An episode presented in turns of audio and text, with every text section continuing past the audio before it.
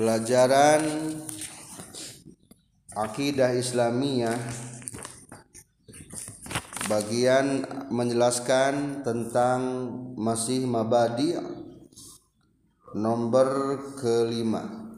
Inna mabadi kulli fanin asyara al-haddu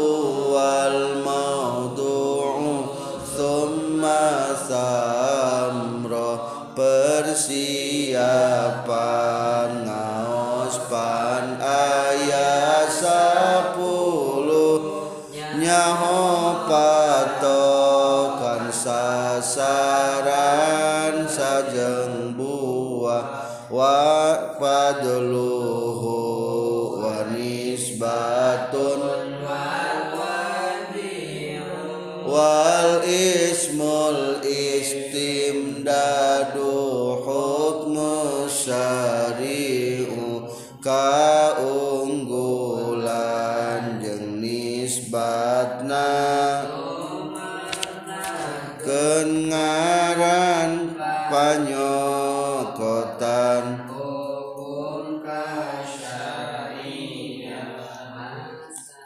Satrasna menjelaskan tentang nisbat baca.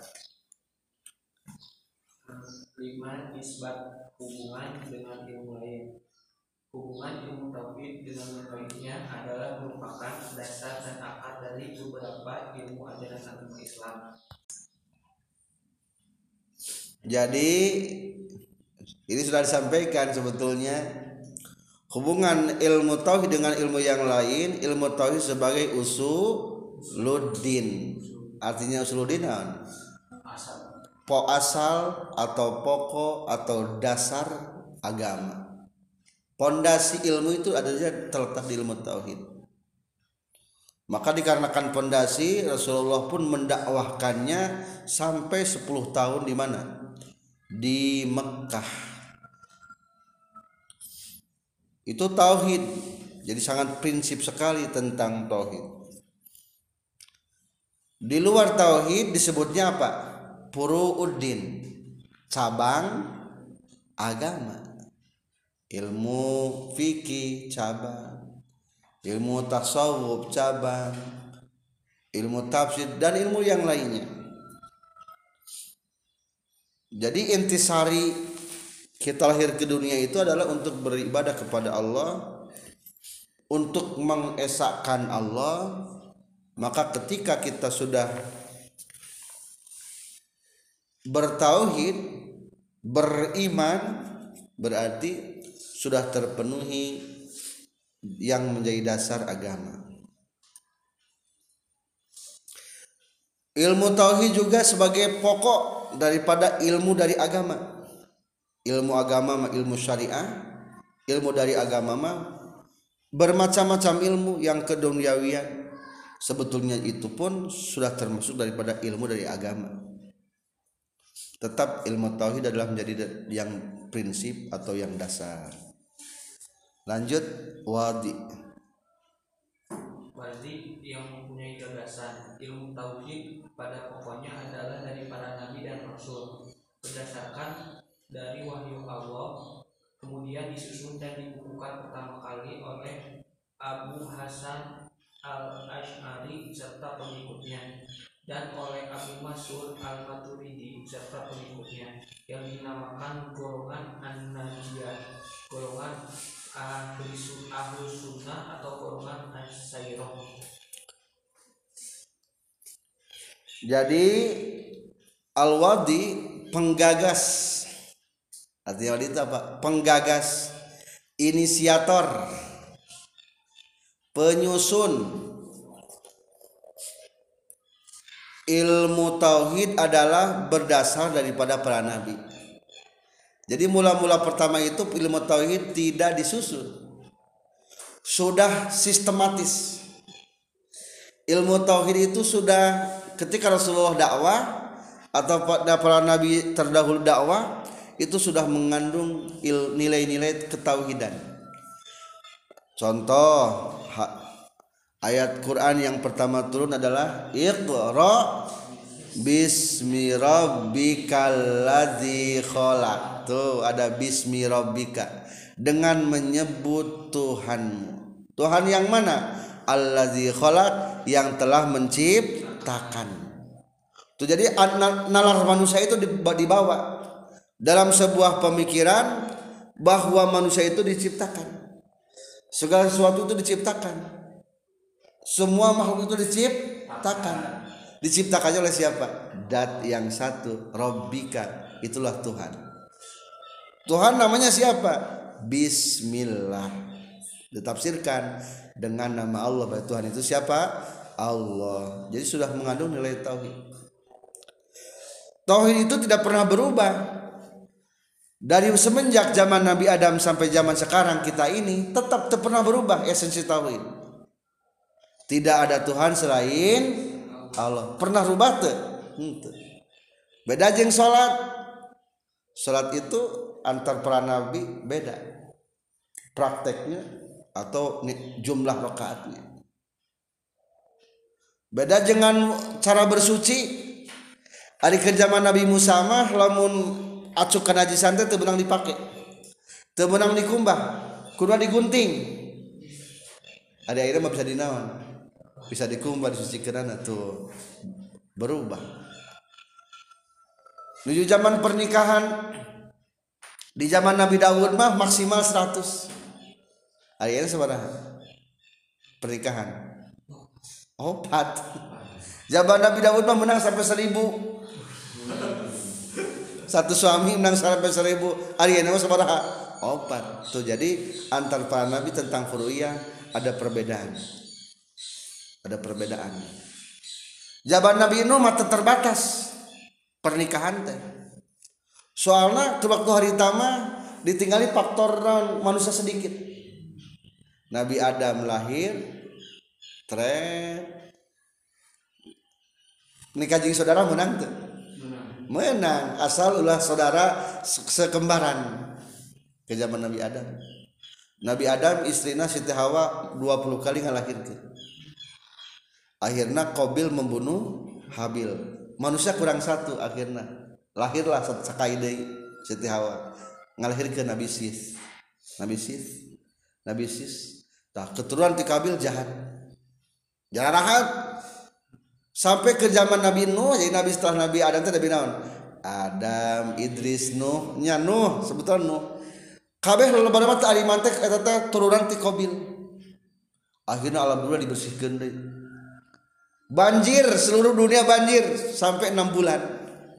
Berarti marah nu salama sepada orang nu iman 80 orang. Itu 80 orang. Mata kerok 80 orang gitu akhirnya kalau taala nikah sabaraha baik bebas ke zaman Nabi Nuh ke zaman Nabi Nuh syariatnya menang. Seribu tahun dakwah Nabi Nuh. Seribu tahun dakwah. Tuh jadi menang. Jadi kondisi masyarakatnya kondisi sosial.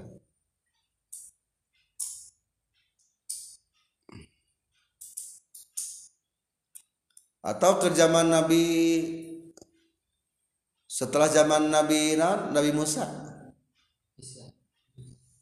Eta eh, sami itu dibatasi soalnya ke zaman Nabi Musa ge kurang-kurangan laki-laki. Eta mah menang poli, poliandri. Eh poligami poligami poligami. Karena ke zaman Fir'aun ke zaman Fir'aun malah laki dari naonan dibunuhan berarti kurang laki waktu hari tamat maka diperbolehkan deh kita poligami itu sampai seberapa berapa. Jadi disesuaikan dengan kondisi zaman tentang furu'nya dinamis berarti tapi tauhid tidak pernah berubah. Jadi dari di zaman Nabi Adam sampai zaman Nabi Muhammad sudah mengandung ilmu tau tauhid. Para sahabat ke Rasulullah dakwah sudah mengandung nilai-nilai tauhid. Ngan mulai dibukukan pertama kalinya teka usaha namina Abu Hasan al Ashari maka sok ia golongan disebutnya golongan As'ariyah atau Asairah. Disebutnya golongan naon? Asairah. Peda pengikut Imam Ash'ari kedua di usaha Abu Mansur al Maturizi maka disebut na golongan golongan maturiziyah. Maturiziyah ia golongan paham pengikut as'ari jeung golongan paham pemikiran Imam Maturidi sama-sama sinkron. Tidak ada perbedaan nyaris. No prinsip tak perbedaan. No pokok tak perbedaan. Maka dinamakan golongan an-najiyah golongan anu salamet. Soalnya Rasulullah Shallallahu Alaihi Wasallam pernah menjanjikan bahwa zaman Nabi Musa umatnya berpecah belah sampai seberapa golongan 71 golongan. Zaman Nabi Isa pecah deh umatnya seberapa golongan. 72 golongan. Tajaman Nabi Muhammad pun rek pecah deh sampai 70 tiga golongan. Satat tariku ummati ala salasati wasab'ina firqatan. Akan berpecah belah umat Nabi Muhammad ge 73 kelompok golongan. Paham akidah? Lain paham fikih paham akidah 70 tilu kuluhum pinar kabeh ahli neraka. Ila wahida kajabah hiji. Akhirnya para sahabat naroskeun wa man naja? Siapa yang selamat? Aya kata naon? Na naja. Dijawab man ana alaihi wa ashabi. Nyaeta orang-orang kelompok-kelompok anu sama jeung kami jeung sama jeung para sahabat. Kulantaran tadi ayat pertanyaan waman naja siapa yang? Selamat naja maka kelompok nu iya disebutna kelompok an-najiyah. Atas sana berarti anu selamat jadi an-najiyah itu diambil dari kata waman naja atau jawaban Rasulullah kuma jawabanna man ana alaihi. Anu akur jeng kami. Berarti sebutna ahlus sunnah. Memegang sunnah kebiasaan ti rasul. Berarti akur jeng kami. Wa ashabi akur jeng sahabat kami. Berarti sebutna wal jamaah. Jamaah berarti jamaah para sahabat. Sesuai dengan jamaah para sahabat. Maka kelompok orang atau orang sebutna ahli sunnah wal jamaah atau golongan an-najiyah. Tujuh teras al-ismu atau nama ilmu tauhid ilmu tauhid mempunyai beberapa nama sebagai berikut ilmu tauhid ilmu kalam ilmu hakikat ilmu aqaid ilmu suludin ilmu aqaidul iman ilmu uluhiyah ilmu marifat ada delapan untuk nama ilmu tauhid. Satu bisa disebut ilmu tauhid. Disebut ilmu tauhid itu soalnya penuh paling pokok nama mentauhidkan Allah dengan ilmu tauhid itu. Ngawahdaniyatkan Allah, mengesahkan Allah. Itu nu paling pokoknya. Maka ilmu tauhid dinamakanlah ilmu tauhid. Anu kedua disebutnya ilmu nawan. Ilmu kalam ayah dari ulama disebut ilmu kalam ilmu yang menjelaskan tentang sifat kalam soalnya ke dina sifat kalam ayat sababara pendapat anu ikhtilaf. Tak jadi ia ilmu akan menjelaskan tentang hakikat kalam Allah kumaha. Karena di kalam mah kalam Allah beda jeung urang. Eueuh soraan eueuh hurupan. Ari urang mah ngomongna kumaha? Aya sora aya hu huruf. Allah mah tanpa suara tanpa huruf. Lebih jelas nangke dibahas di sifat kalam katilu ilmu hakikat. Mengembalikan segala sesuatu kepada hakikatnya. Bala-bala tina tarigu. E, kue tina tarigu. Nah deh jadi KBG tidak tarigu we hakikat nama lamun jalma daging iya daging daging. Hayam ge daging. Domba ge daging. Ningali jalma teu kabeh ge daging we. Teh ngaranna hakikat. Jadi meninggali sesuatu kan hakikatnya atau tidak tanah hakikatna jalma ningali jalma juga tanah we. Ningali kenteng kabayang tanahna. Ningali bata kabayang tanahna. Eh, Eta ilmu hakikat. Jadi mengembalikan segala sesuatu karena hakikat asalnya tah hakikat daripada hakikat adalah Allah segala semuanya kabeh geti Allah. Lain tina tarigu lain tina cai lain tina tanah lain tina cahaya. KBG berasal nanti Allah. Akhirnya mengembalikan segala sesuatu ke Allah. Nah, rek dibahas disebutnya ilmu hakikat. Keempat ilmu aqaid. Hartosna aqaid itu jama telapan akidah. Ilmu yang menyangkut kepada keyakinan-keyakinan. Banyak keyakinan pada zamannya maksud jama teh soalan ke akidah atau keyakinan ayat sabab kabagi ti tilu hiji akidah uluhiyah dua akidah nabawiyah tilu akidah samiyah. Dijamakan jadi akidah aqaid ilmu aqaid kalimat ilmu usuludin karena melihat asalna atau nisbatna atau nilainya ilmu paling dasar paling mendasar paling pokok sebagai pondasi dalam ilmu-ilmu Islam. Kagenap ilmu aqaidul iman. Ayat penambahan sedikitnya tadi. Sami baiklah bebas. Imah hanya penamaan saja. Tujuh ilmu uluhiyah. Uluhiyah hartosna sifat-sifat Allah. Jadi akan mengenal tentang sifat Allah. Delapan ilmu ma'rifat. Ilmu ma'rifat hartosna mengenal Allah. Ari mengenal karena datna memual tapi mengenal sifat-sifat Allah.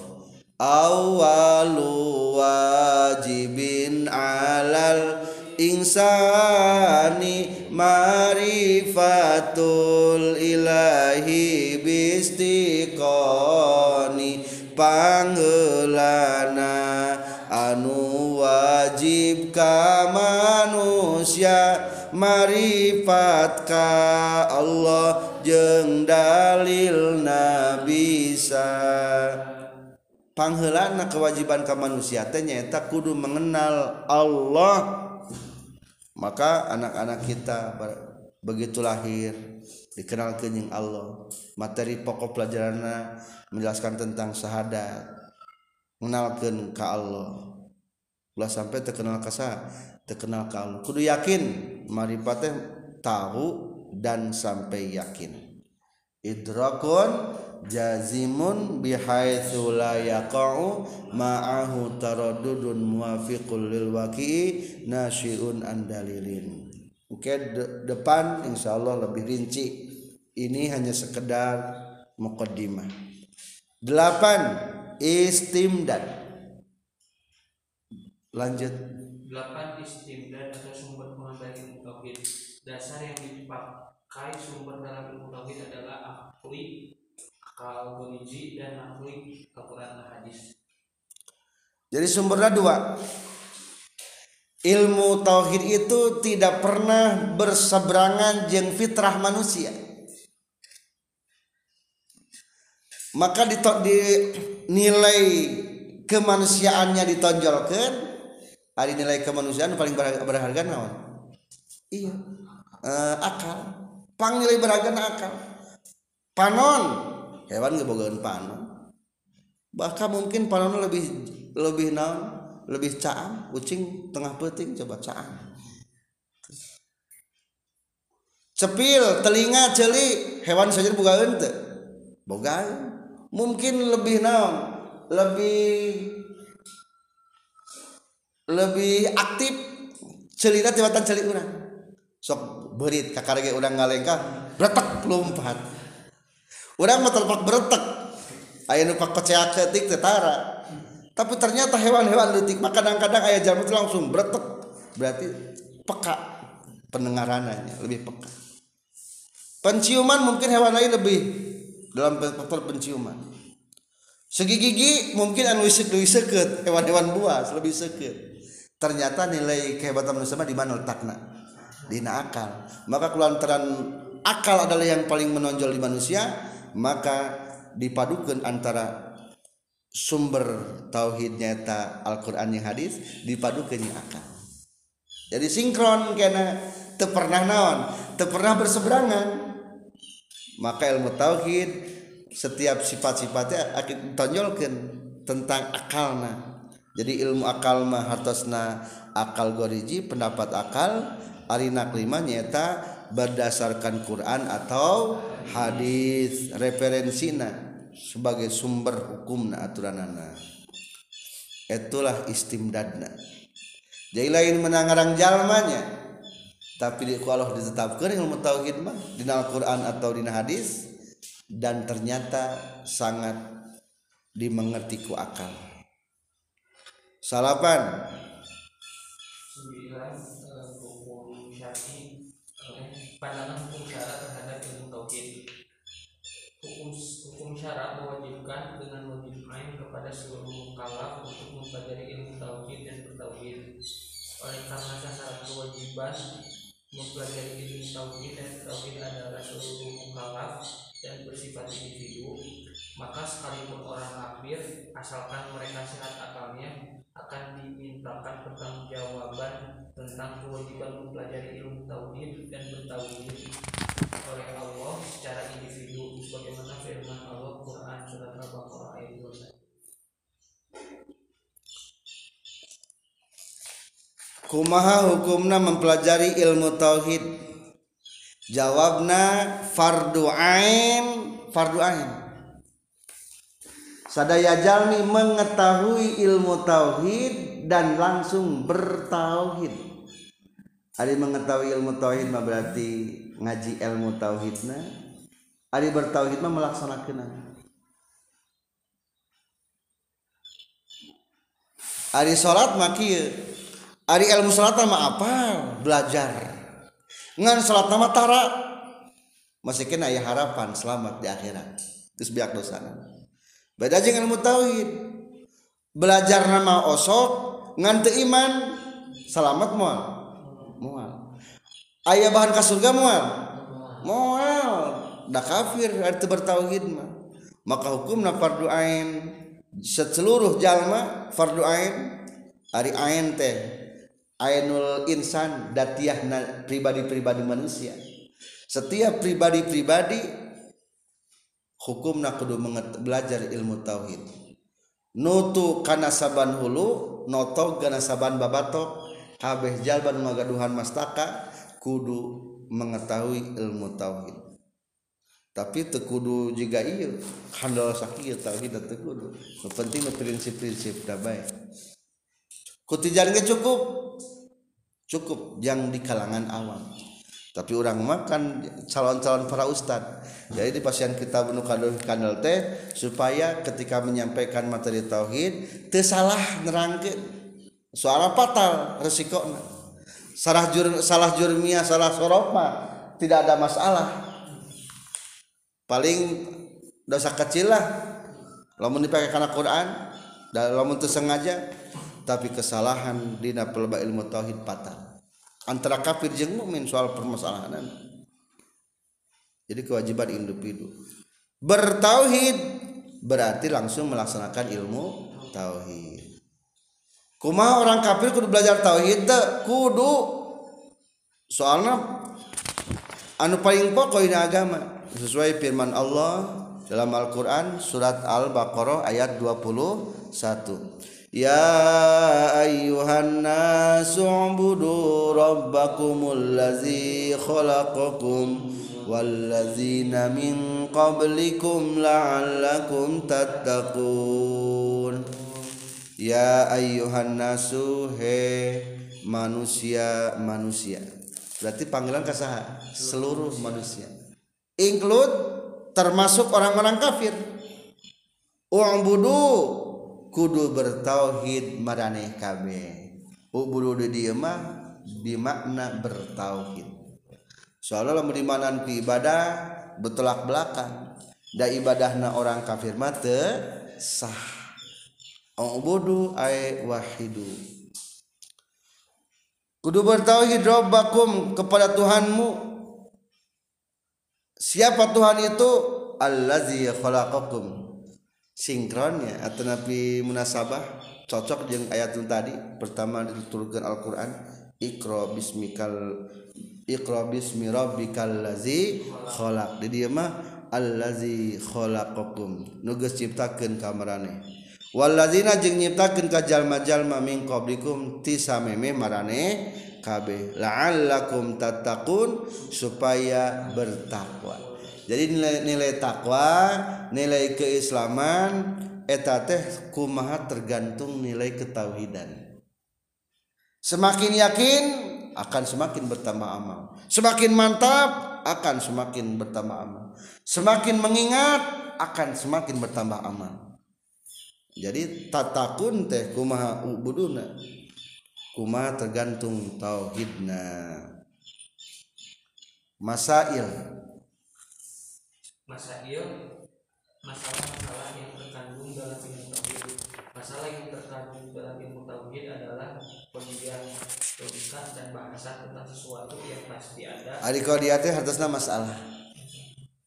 Logika yang pasti ada yang kedua sesuatu yang mustahil ada atau mustahilat mustahilat. Dan sesuatu yang mungkin ada dan mungkin tidak ada. Jaizan Masailu wal badu bil badi tafa wa mandarol jami'a hadza syarafa